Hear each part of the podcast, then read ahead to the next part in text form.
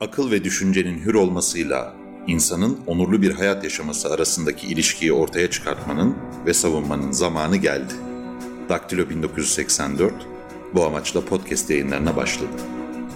Selamlar herkese. Çerçevenin 49. bölümünde İlkan'la birlikte kayıttayız. İlkan hoş geldin. Hoş bulduk Numan. İlkan bugün bahsetmek istediğim konu HDP Genel Başkanı, eski Genel Başkan, eski eş başkan, ah, İlkan bugün bahsetmek istediğim ilk konu HDP eski eş başkanı Selahattin Demirtaş'ın eşine yapılan sosyal medyadaki paylaşım ve bu paylaşımın getirdiği tepkiler. Asıl odağımız bizim Nevşin Mengü'nün attığı tweet ve bu Nevşin Mengü'nün attığı tweet üstünden başlatılan ifade özgürlüğü tartışması.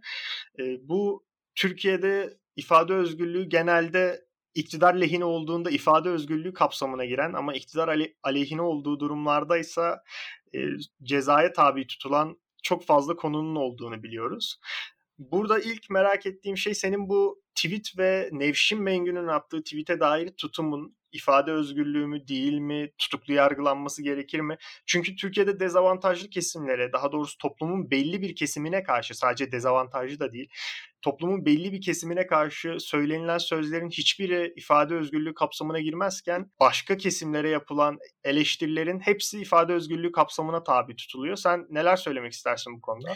Şimdi e, aslında Numan Türkiye'de Türk toplumunda e, 200 yıldan beri hani modern siyaset ve bir kamuoyu üzerinden tartışma başladığından beri bir sıkıntı var. Nedir bu?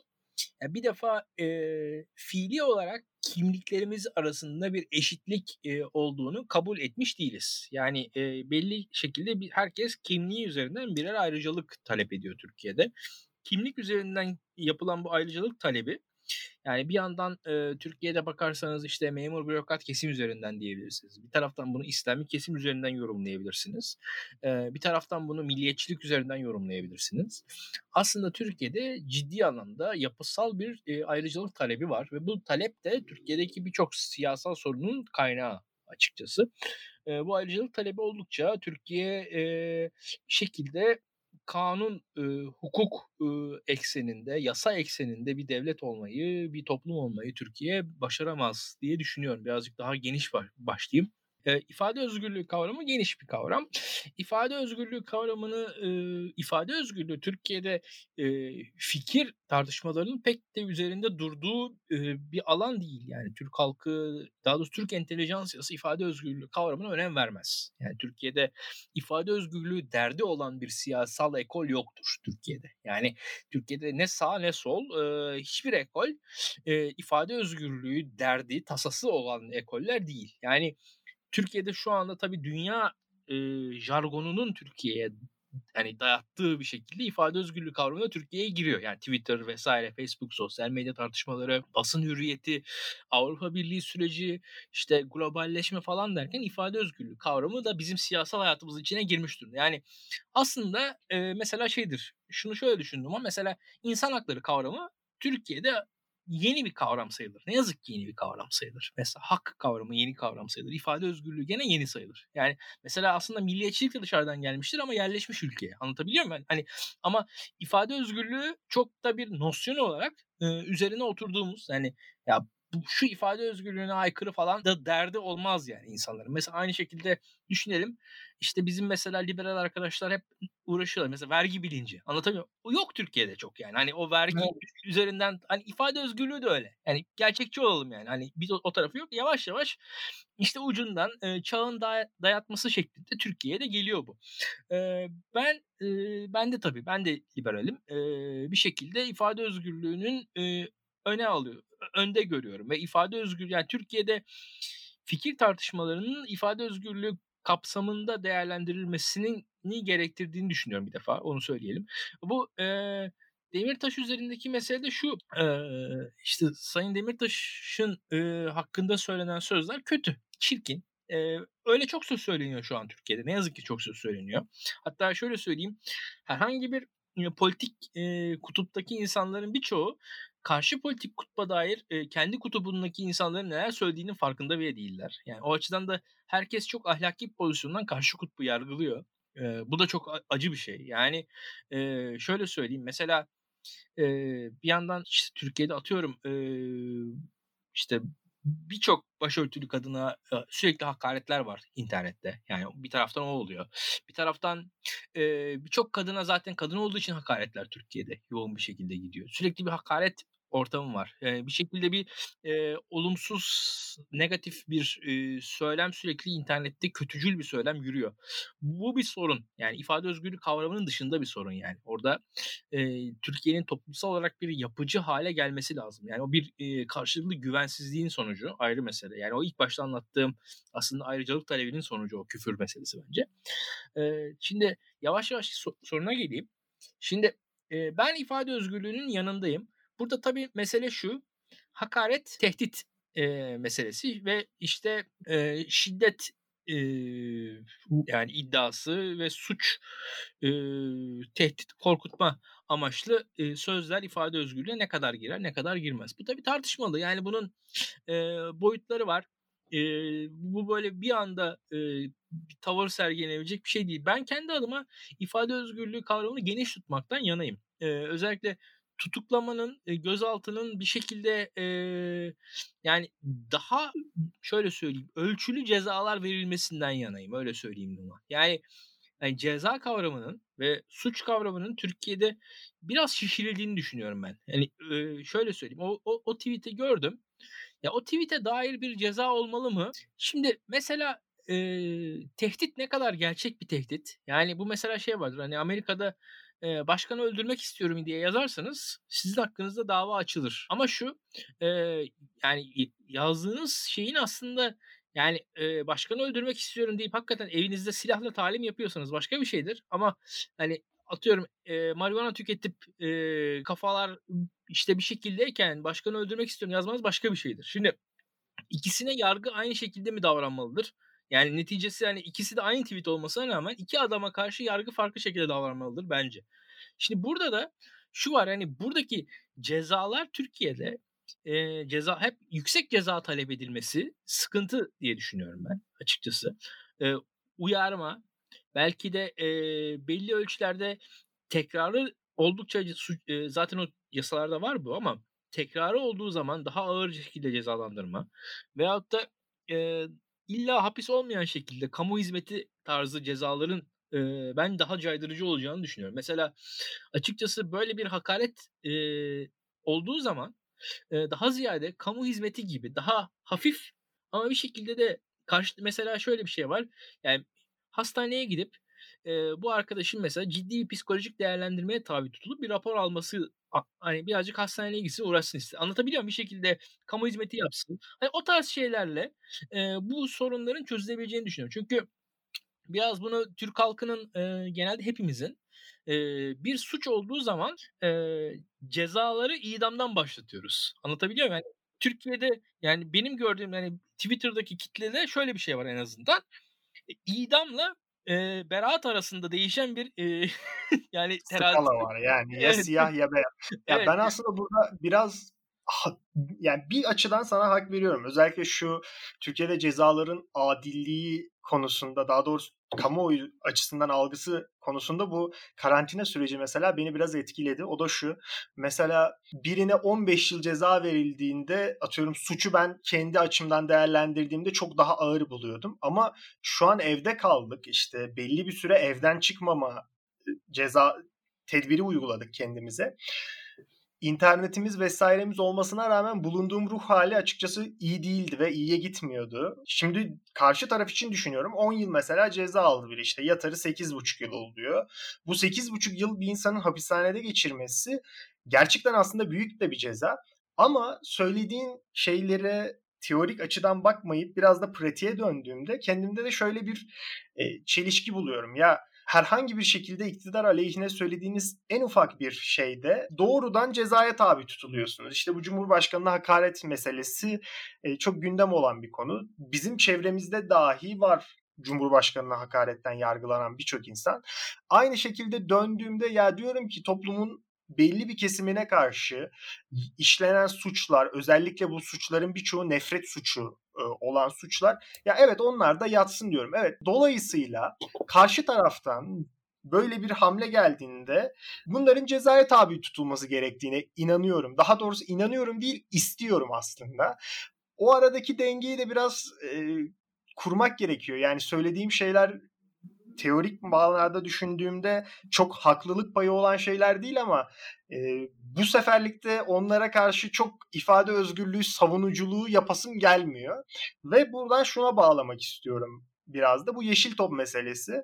Yeşil Top kampanyası durduruldu ama bu tip olaylarda hem işte Nevşin Mengü ve Canan Kaftancıoğlu'na geçtiğimiz günlerde atılan tweetlerde hem bugün nerede yaşanan Başak Demirtaş tweetinde e, ortak payda hep yeşil top. Ve Mahir Ünal sanırım bunun yanlış bir karar olduğunu anlamış ki yeşil top meselesini sonlandırdı AK Parti medya iletişim sorumlusu. Bu yeşil top meselesinin gösterdiklerini hakkında neler söylemek istersin?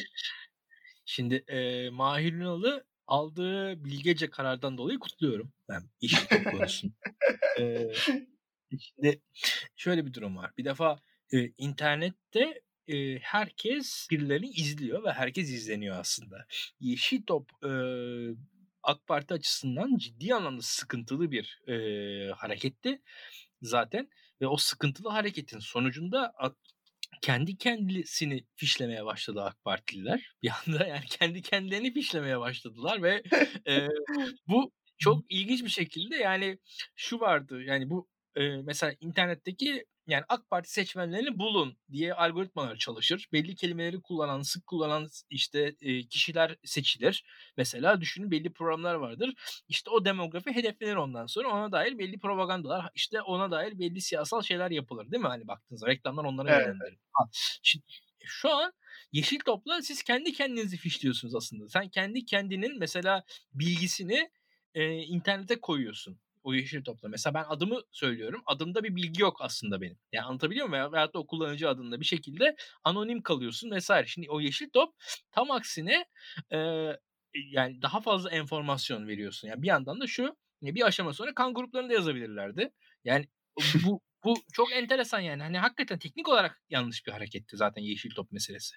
Yani burada mesele zaten şu var e- eğer e, yani internette azıcık vakit geçiren birisi bilir ki eğer gündem oluşturmaksa mesele olay şudur. Organik hareketler her zaman daha iyi gündem oluşturur. Yani farklı farklı kişilerin farklı farklı şekillerde, farklı farklı şahsiyetlerle e, bir konuyu savunması tek taraflı savunudan çok daha anlamlıdır. Yani hani 10 kişi 10 farklı cümleyle bir konuyu savunursa 10 kişinin aynı cümleyle bir, bir konuyu savunmasından da daha daha fazla etkili olur zaten. Hani bu çok basittir. Bunu e, bunun için çok dahi olmaya falan da gerek yok. Yani bu basit propaganda yani bu e, bu anlattığım şey. Ya o propaganda bağlamında da e, bir sıkıntı oldu. E, AK Parti'nin niyeti şuydu bu Yeşil Top'ta benim tahminime göre. E, medyada olduğu gibi bir dominasyonu internete kurmak istediler. Ama medyada olduğu kadar domine etmeleri imkansızdı interneti zaten. Yani mesele şu yeşil top gibi bir kavramla siz televizyonları domine edebilirsiniz. Radyoları domine edebilirsiniz. Bunların sayıları belli çünkü. Yani işte 10, 20, 100, 50 yani o kadar bir televizyon var Türkiye'de hani iyi kötü izlenen.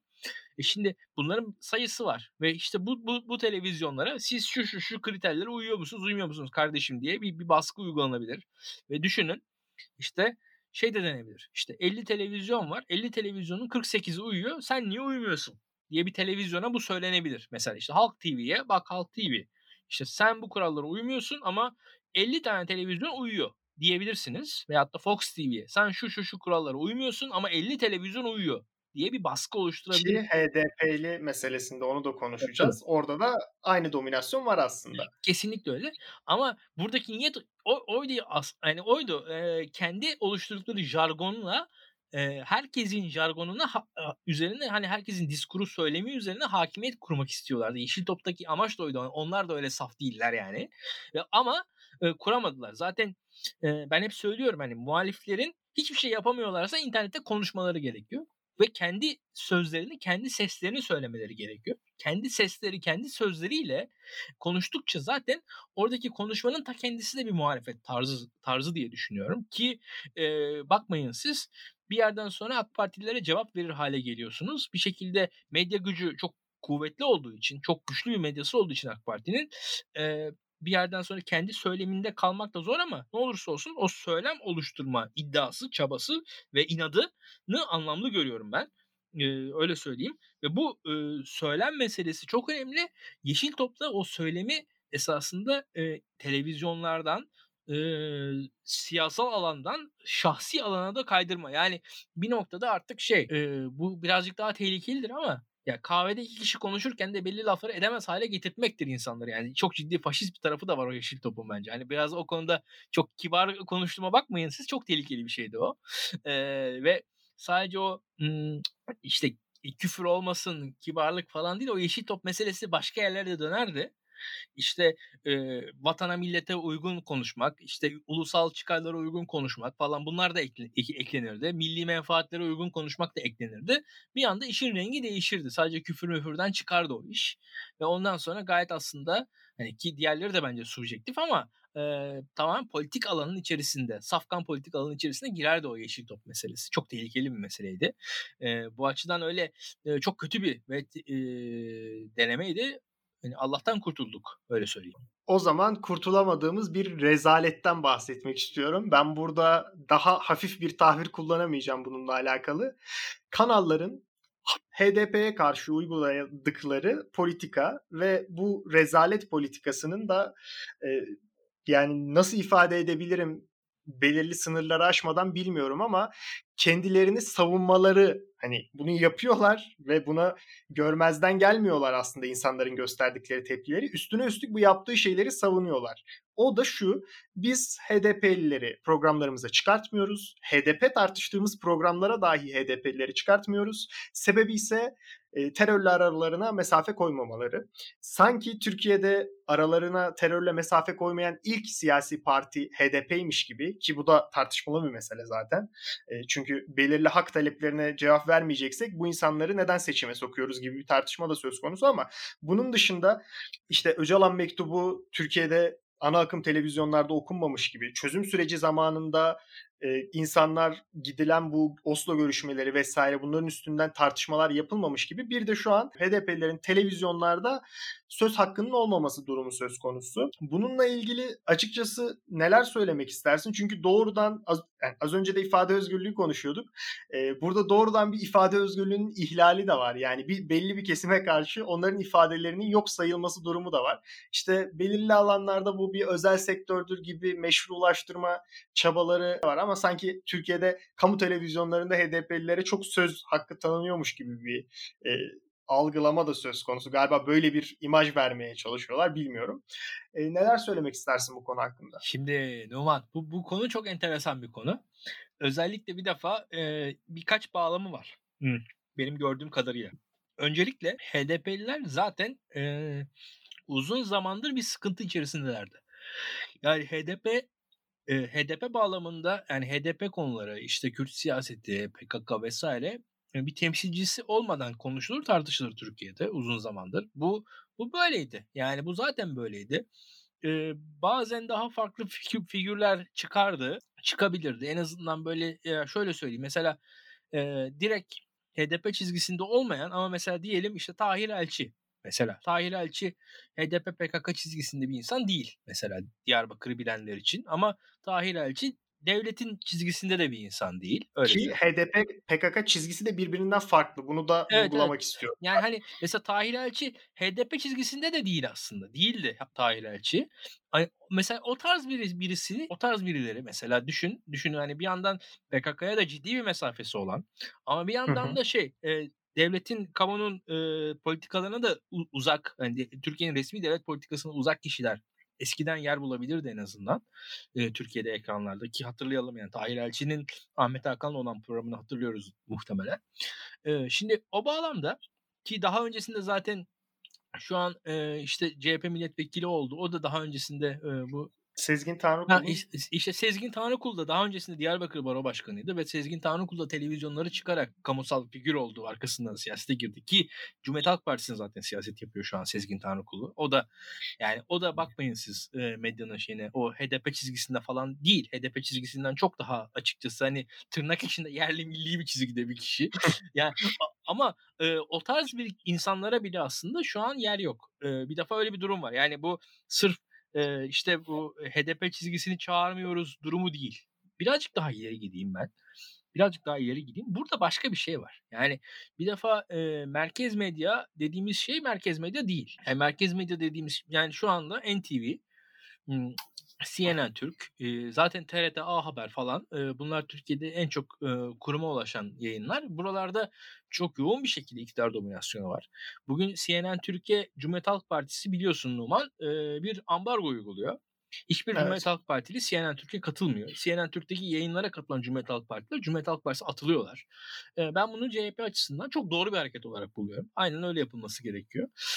burada Mesela artık HDP'yi de geçti. Yani orada şu anda şu aşamada işin komik tarafı şu. Habertürk merkez medya içerisinde muhaliflerin arada çıkabildikleri tek kanal zaten. Mesela yani mesela Cumhuriyet Halk Partisi'ne yaptığı muamele açısından NTV ile CNN Türk'le falan kıyaslanmayacak kadar e, daha dengeli bir kanal. Mesela Didem Aslan Yılmaz'ın düşün e, sunuculuğu tartışılmıştı Habertürk'ten.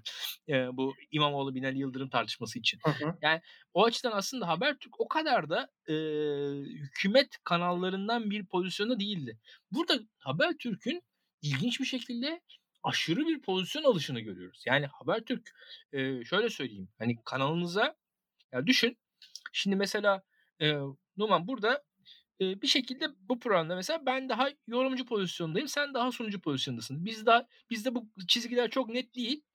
Ama mesela sen başka bir e, atıyorum e, açık toplum programına çıksan çıktığın zaman çok daha kendini daha rahat ifade ediyorsun. Daha farklı ifade ediyorsun. Anlatabiliyor muyum? Orada mesela şurada kendini birazcık daha sınırlıyorsun. Birazcık daha ya, normalde yapacağından bir adım daha az yorum yapıyorsun. Çünkü kendini hafif daha nötr pozisyon alıyorsun. Şimdi bu yani yayıncılık yani ister istemez içimizde olan bir şey. Zaten bunu yapıyorsun zaten. Yani normalde sen sorduğun soruların birçoğundan çok daha fazlasını biliyorsun. Ama zaten hani bir yandan soru soran pozisyonda olduğun için kendini daha bir geriye çekiyorsun. İster istemez beni biraz öne çıkartmaya çalışıyorsun. Şimdi burada çok enteresan bir şey var Habertürk meselesinde. Habertürk'te yani Habertürk'ün yazarları, Habertürk'ün yorumcuları değil, Habertürk'ün programcıları tavır aldılar. Yani bu çok ilginç bir şeydi. Yani bu, bunun e, böyle oluyor olması yani kanal adına programcıların, spikerlerin çıkıp bir şekilde militanca pozisyon almaları e, görülür bir şey değil. Yani şaşkınlıkla izliyorum ben. Hakikaten bir de yani oradaki programcıların imajları açısından da yani ben mesela bir programcı olsam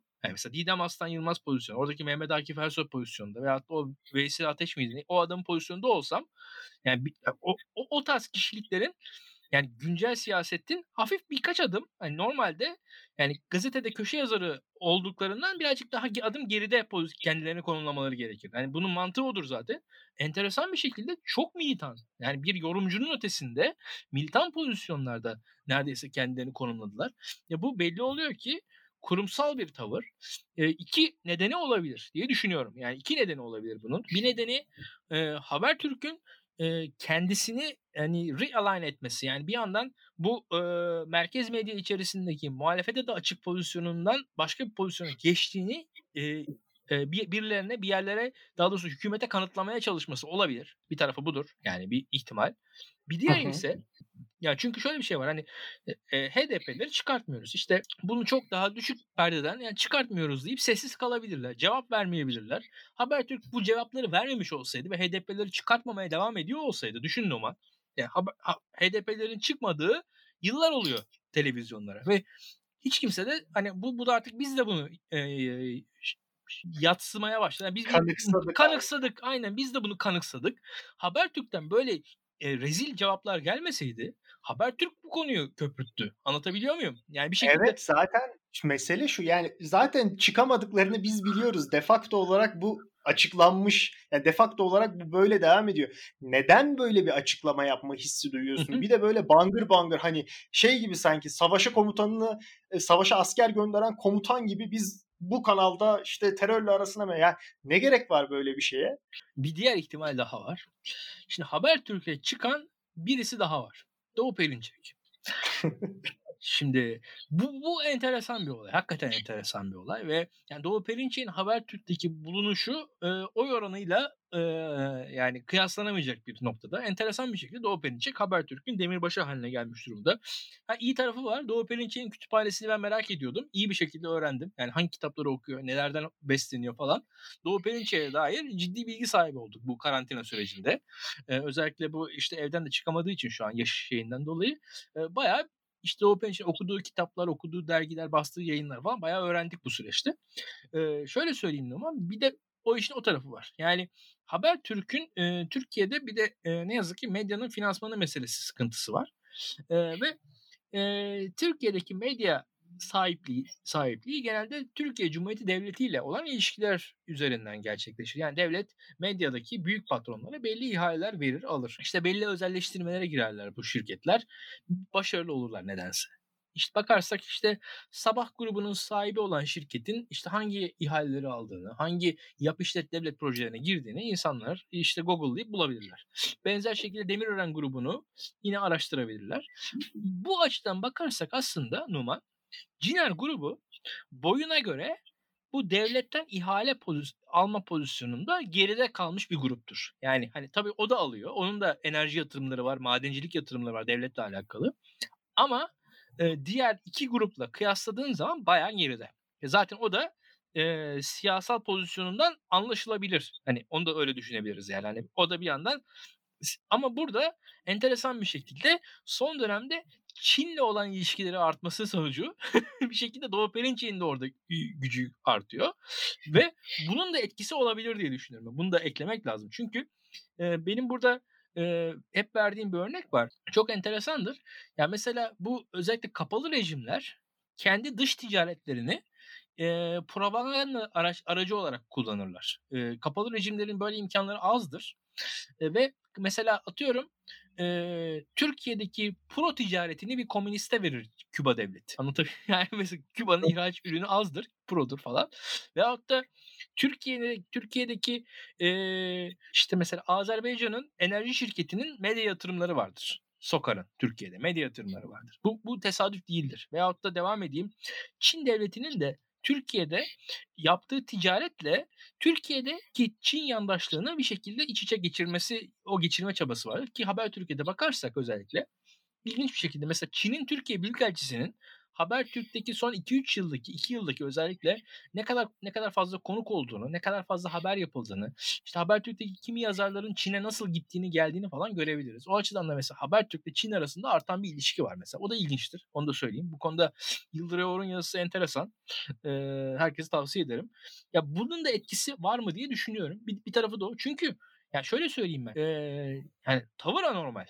Yani Türkiye'de A Haber'den böyle bir tavır gelmedi. Habertürk'ten bu tavır geldi. Yani eşyanın tabiatına, hadisenin normal akışına çok uygun değil. Ha şunu biliyoruz tabii ki Turgay Ciner e, yani milliyetçi bir karakter. Turgay Ciner e, işte Artvinli, e, belli bir e, milliyetçi duyarlılığı olan bir kişi aslında. Kendi geçmişinde işte Mehmet Ağar'la belli bir samimiyeti var falan. Bunlar zaten bilinen şeyler ama e, o pozisyonunun da dışında yani o kadar da sert bir pozisyon almasına da gerek yoktu. İlginç bir şekilde çok sert pozisyon aldı. Aşırı sert pozisyon aldı. Normalin dışında bir pozisyon aldı nedense. Ee, bunun açıklaması, izahatı yani e, şöyle söyleyeyim ben. Böyle bir pozisyon almayı e, sabah grubu gerek hissetmedi yani gerek duymazken sabah grubu böyle pozisyon aldığını anlatmaktan. Yani bu, bu böyle böyle bayrak sallamaya ihtiyaç duymazken Hürriyet grubu böyle bayrak sallamaya ihtiyaç duymazken ne oldu da Habertürk grubu böyle bayrak sallamaya ihtiyaç duydu? Dediğim gibi ben iki sebep ortaya sayabildim. Yani iki tane. Yani ya Habertürk kendini realign ediyor Türkiye'deki hükümete göre iktidar iktidar grubuna göre realign ediyor. Yani orada işte hükümet özellikle iktidar grubu dedim. MHP ve e, işte Vatan Partisi'ni de ekledim kendi kafamda buna. Veyahut da işte dediğim o Doğu Perinçek üzerinden Çin etkisi falan başka bir şey mi? Başka bir açıklama, izahat göremiyorum. Yani çünkü şöyle bir şey var. Yani Habertürk'ün düşün bir medya kurumu, bir yorumcusu olur. Milliyetçi bir yorumcudur. O milliyetçi yorumcu milliyetçi bir yorumlar yapar. HDP'ye karşı sert bir tavır alır. Habertürk de bu tavrı destekler. Hani bu olabilirdi. Bu tavrı promote eder ama o da yok. Yani sunucular açısından sunucular üzerinden alınan tavır hakikaten e, pek benzeri olmayan örneksiz bir tavır diye düşünüyorum. Ben böyle bir şey görmemiştim şimdiye kadar. Son olarak teorik başladık. Biraz da teorik bitirelim istiyorum. Bu e, ifade özgürlüğü, fikir ve ifade, düşünce ve ifade özgürlüğü ile alakalı e, şey tartışmasını açmak istiyorum. Fikirlerin serbest piyasası dediğimiz bir kavram var. Liberallerin ifade özgürlüğünü aslında üstünden türettiği, John Stuart Mill'in yaptığı e, bir tanımlama. Burada işte her fikrin ifade edilmesi gerektiği ve işte kötü olan fikrin, işte iyi olan fikrin kötü olan fikre karşı baskın geleceği. Benim bunun üstünden e, sormak istediğim şey şu.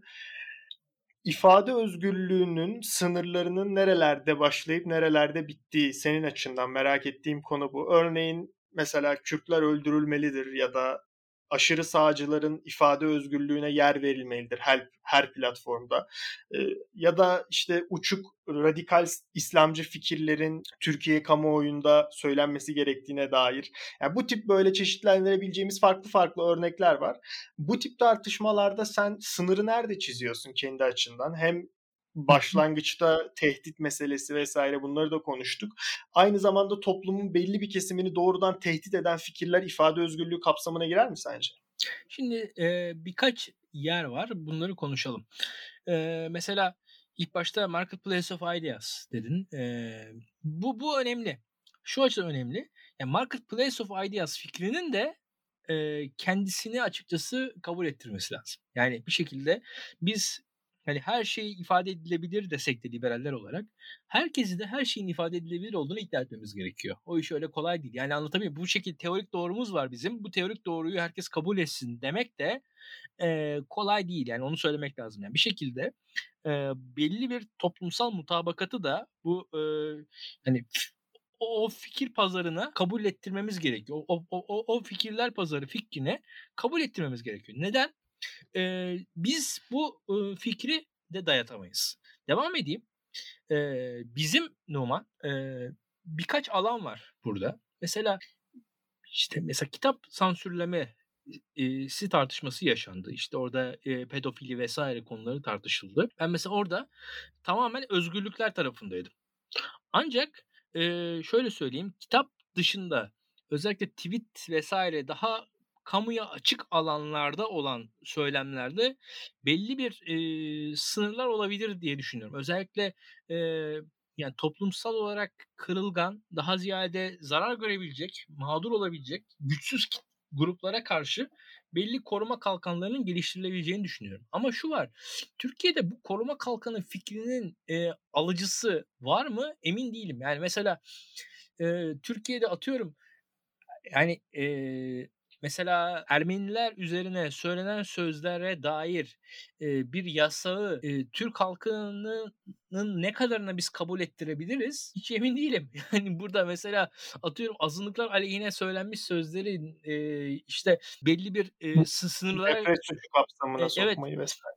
Kesinlikle öyle. Hani mesela en fazla Türk halkına biz Alevilere dair olan e, nefret suçlarını bir şekilde nefret suçu olarak kabul ettirebiliriz. Mesela bak Ermenilere dair, Yahudilere dair olan nefret suçu bağlamında sayılabilecek sözleri nefret suçu olarak kabul ettirmemizin imkanı olduğunu pek düşünmüyorum. Mesela Alevilere dair olanları bir ölçüde kabul ettirebiliriz bir yere kadar. Yani belli bir e, geniş toplumsal mutabakat en azından %50'yi de aşan bulunabilir orada. Ama e, özellikle Yahudilere dair, Ermenilere dair e, sözler mesela ne kadar e, karşılık bulabilir pek emin değilim. Mesela kadınlara dair sözlerde belli bir aşamada kabul bula, e, oluşturabiliriz. İleride e, farklı e, cinsel kimliklere dair şu an mesela tam bir bilinç yok ama yavaş yavaş ileride o bilinç oluşacak gibi onu hissediyorum ben. Ama zaman içerisinde mesela çocuklara dair oluştu. Öyle söyleyeyim yani herhangi birisi öyle kolay kolay o konuları konuşamaz. Hani bir şekilde toplumun da e, mutabakatının sağlanması gerekiyor diye düşünüyorum. Ama bu biraz zamanla gelişen bir şey değil mi İlkan? Yani 10 yıl önce mesela kadınlara karşı olan söylemlerde Tabii. bu çok daha azdı. Zamanla yani burada teorik olarak konuştuğumuz için söylüyorum sadece. Hı hı. Hani Türkiye'de buna dair çok büyük bir ümidim olduğu için değil ama zamanla bir şekilde kadın hareketi kendini kabul ettirdi ve kadınlara karşı olan söylemler mesela artık gündelik hayatımızda çok daha fazla dikkat ettiğimiz şeyler haline geldi. Kesinlikle. Yani kesinlikle mesela e, bakarsak e, Türkiye'de yani 10-15 yıl öncesine kadar mesela yani belli mesleklerin e, taciz hikayeleri çapkınlık hikayesi olarak adlandırılırdı. Al, hani anlatılırdı. Yani klasik olarak yani orada işte atıyorum yani işte sekreter falan denince gülünen bir ülkeydi burası. Çok komik yani hani 1990'larda Hani çok yani sekreter normal kadın orada e, daktilo falan kullanıyor. O kadının bir taciz nesnesi olarak falan görülürdü. Garip bir ülkeydi burası. Yani o çok ilginç bir şey. Yani orada e, hatta insanlar e, çok vulgar terimler kullanırlardı vesaire. O tarz konular çok ilerledi Türkiye'de. Hani, hani şu anki hali bile ilerlemiş hali. Hani şu anda iyi durumda değil de hani şu anki hali bayağı ilerlemiş hali. O konuda ilerliyoruz. E, ama şu var belli bir e, siyasal da bir bilinç olması lazım ve bu konularda teorik olarak ne yazık ki Numan eğitim hayatımız bize şöyle söyleyeyim cesur olmayı öğretiyor, sadık olmayı öğretiyor, kahraman olmayı öğretiyor, çalışkan olmayı öğretiyor. Ama insan hakları bağlamında bir duyarlılık falan öğretilmiyor Türkiye'de. Yani Türkiye'de öyle bir aynı şekilde hani özgürlük duyarlılığı da öğretilmiyor. Yani bu, bu konuda bu tartışmanın iki tarafı da Türkiye'deki insanların zihinlerinde öyle oturmuş bir kavram seti üzerinden konuşmuyoruz gibi geliyor. Çok çeviri geliyor bana bu tartışmalar onu da söyleyeyim. Yani. Evet evet evet. Özellikle ben de burada küçük bir araya girerek şey yapmak istiyorum. Bu tip böyle tartışılan soyut kavramların özellikle dışarıdan ithal ettiğimiz kavramların Türkiye'ye liberaller açısından doğrudan birebir çevirip uygulamanın çok yanlış olduğunu düşünüyorum ben. Aynı bu söylediğimiz kavram doğrudan Türkiye'de bu fikirler efendime söyleyeyim Ermenilere karşı ayrımcılık. Ermenilere karşı ayrımcılık Türkiye'de nasılsa bir fikirlerin serbest piyasasıdır. Dolayısıyla yapılır, yapıldığında da yanlış fikir olduğu ortaya çıkar gibi yaklaşımların çok yanlış şeyler olduğunu düşünüyorum. Çünkü Türkiye'de yaklaşık 100 bin, 150 bin Ermeniye karşı olan bu ayrımcı tutumun çok ciddi sonuçlara, çok ciddi hasarlara yol açabileceğini ve bunların doğrudan e, Türkçeleştirilip kullanılmaması gerektiğini düşünüyorum. Liberaller olarak yapılanın da yani bu yapılanın da bir hata olduğunu düşünüyorum. Ya Numan o konuda şöyle bir şey var. Sanki ülkede hani Ermeni soykırımı kabul edilmiş. Bu soykırımı reddedenler ceza alıyormuş da oradan da biz ifade özgürlüğü savunuyormuşuz gibi bu konu. Yani öyle bir durum yokken öyle bir tavrı hani tam tersine bir baş aşağı alıyoruz kavramları ve kavramları kavramların varoluş amacından çok farklı şekilde kullanıyoruz. Öyle söyleyeyim. Mesela normalde bakarsan Türkiye Türkiye'deki mevcut yasalarda bile ya kamuoyunu kışkırtmak, or, o, kim ve nefret suçları falan o bizim neydi o yasa işte kim ve nefret e, halkı kim ve nefret nef, tahrik tarihe sürüklemek gibi böyle bir şey işte. Evet. Şimdi o, Numan o meselede mesela düşün o kim ve nefret meselesinde ya Türk halkını Ermenilere, Yahudilere dair kim ve nefrete sürükleyen söylemler var. Hiçbir savcıyı da etkilemiyor bunlar. Ya Ermenilere dair Türk halkı kim ve nefretle dolduruluyor bu söylemlerle falan diye. Türk halkı hiç öyle bir e, öfkeye, pardon Türk savcıları hiçbir şekilde o e, söylemlerden etkilenmiyorlar. Hiç umurlarında değil. Aksine şu var. E, bir, bir şekilde Türkiye'deki geniş kamuoyunu azıcık rencide eden bir şey söylediğiniz anda savcılarımız harekete geçiyor. Halbuki şey yani o, o, o yasalar Türkiye'deki azınlıkları korumak için de e, aklı başında savcılar tarafından kullanılabilir. Asla kullanılmıyor. Savcılar, as, savcılar yasaları e, devlet adına vatandaş dövmek için kullanıyor şu an Türkiye'de. Yani orada... Ya mesela şeyi hatırlıyorum ben. Bu son camilerden sürekli bir şey okunması durumunda insanlar tweet atarken üç kez düşünüyordu. Hani camilerden artık bu kadar çok şey okumayın dediğiniz an mesela doğrudan bir halkı kim ve tahrik etme suçundan yargılanabilirdiniz ki çok normal bir istek. Yani evinin yanında cami var. Sürekli bir şeyler okunuyor ve bundan rahatsız oluyorsun. Çok normal bir şey bu aslında. Ama doğrudan bu suç kapsamına girebilir diye insanlar korkarak yazdılar, çizdiler söyledikleri şeyleri. Kesinlikle öyle. Yani bir de bizim e, Türkiye'de dediğim gibi hani yasalar yani mevcut yasalar bile yani mevcut yasalar bile makul e, uygulayıcılar elinde aslında bayağı düzgün e, hale getirilir. Yani şu an Türkiye'deki yasaları tersinden uygulama sevdası olduğunu da düşünüyorum ben. Öyle söyleyeyim. Yani e, halk gerçekten ya kim ve nefretle birbirine, karşı kışkırtılır. Yani bu mesela şeydir. Ya bir sinema salonunda yangın var diyemezsin. İfade özgürlüğü falan denmez. Çünkü yangın var diye bağırdığın zaman e, izdiham olup insana birbirini ezebilir. O kapalı dar bir alanda insanlar herkes kapıya koşturur falan. Orada yangın var diye bağırmak ifade özgürlüğü değildir. Şimdi veyahut da işte bir toplu taşıma aracında bir anda yüksek sesle patlama olmuş gibi bağırdığını düşün. İşte şoförü korkuttuğunu ve kazaya sebep olduğunu falan düşün. Yani bu ifade özgürlüğü falan değildir. Bunun gibi gerçekten de mesela şeydir hani e, samimiyetle söyleyeyim bir grup insan yani mesela atıyorum e, şehrin meydanına toplanmış. Sen de diyorsun ki işte İlkan şunu şunu şunu şöyle şöyle yaptı falan diye bir tweet atıyorsun. Herkesi benim evime yönlendiriyorsun yaksınlar diye. Bu ifade özgürlüğü değildir. Yani çok basit bir şekilde aslında. Yani orada e, bu, bunun sınırlarını bulabiliriz. Çok zor değil. Yani e, tabii bu bir yandan da şu da değil. E, elimizde basit bir formül yok. Hepimiz e, biraz el yordamıyla, biraz okuyarak, biraz öğrenerek, biraz dünyadaki örneklerden e, ilham alarak e, belli sonuçlara varacağız diye düşünüyorum. Yani illa şu şu şu olacaktır demiyorum.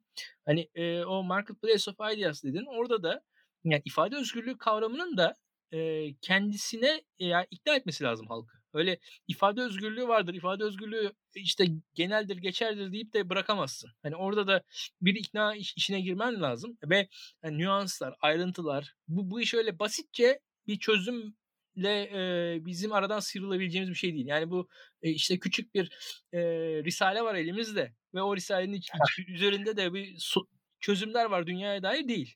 Bu dünyanın dünyayı anlamlandıran kutsal kitabımızın içinden bakalım ve her çözümümüzü işte liberal fikirlere danışarak aynı şey ekonomi için de geçerli yani. Tabii. Bütün bütün e, kapsadığı alanları bu özgürlükçü fikirlerin hepsinin bir şekilde harmanlanıp ve özümsenip aslında geçirilmesi gerektiğini düşünüyorum ben. Ya Numan bu hafta e, sanırım 49. bölüm değil mi? Evet. E, gelecek hafta artık 50. bölüm oldu olacak ve 50. bölüm e, bizim açımızdan bir e, dönüm. Hani bir yıl 52 hafta biz de hemen hemen tabii bir yılı geçtik ama e, şey noktasındayız. Yani o e... Yok bir yılı geçmedik aslında. Ağustos ayında başladık. Geçen sene ha. Ağustos ayında başladık. Tamam bir yılı geçmedik iyi o zaman. E, 50 bizim için bir dönüm. Hemen hemen e, bundan sonra da programımızın istikrarı açısından da anlamlı. 50. program için sizden konu istiyoruz. Bize konu önerilerinizi getirin. Biz o konu önerileri arasından bir iki tanesini seçeceğiz. Dersimizi çalışacağız. Ve her zamankinden daha yoğun, daha kapsamlı bir programla önünüzde olmak istiyoruz. Karşınızda olmak istiyoruz. Ee, bu 50 programda bizi yalnız bırakmadığınız için, daha doğrusu, daha doğrusu 49 programda bizi yalnız bırakmadığınız için teşekkürler. Ben de çok teşekkür etmek istiyorum. 50 bölüm olacak. İnanılmaz bir şey aslında bu. Çünkü yani başlarken elbet buralara geleceğini az buçuk tahmin ediyorduk ama sonuçta şu an içinde bulunduğumuz durumda yaşamak daha e, insana gurur veren ve mutlu eden bir şey. Numan internette ve e, Türkiye'de sosyal medyada bir eksiklik aslında. Biz o eksikliği aşmışız. Çünkü şöyle bir şey var. Türkiye'de güzel şeyler başlıyor ama devam etmiyor. Yani e, Türk Türk gibi başlamak diye bir şey vardır ama Türk gibi başlayıp İngiliz gibi bitirmek gerekiyor belki de. Ee, biz şaka maka Türk gibi başladık ve devam ediyoruz. Ee, 50 bölüm olması beni bu açıdan heyecanlandırdı. Çünkü Türkiye'de e, gerçekten de 10 yıldır süren ve sürekli devam eden bir düzenli blok yok Türkçe şu an. Yani benim bildiğim kadarıyla herhangi bir benim okuduğum 2006'da 2007'de merakla okuduğum blokların hepsi kapandı. En azından onu söyleyebilirim. Ee, Türkiye'de biz o açıdan e, şaka maka ilk sınavı atlattık. Yani iyi bir şeye başladık ve devam ediyoruz. Bence önemli, bence anlamlı. E, dinleyicilerimiz bizi yalnız bırakmıyorlar. Umarım dinleyicilerimiz bizi yalnız bırakmadıkça biz de devam ederiz. Dolayısıyla bizi 49 bölüm boyunca dinlediğiniz için hepinize çok teşekkür ederiz. Gelecek bölümlerde görüşmek üzere. Hoşçakalın. Hoşçakalın.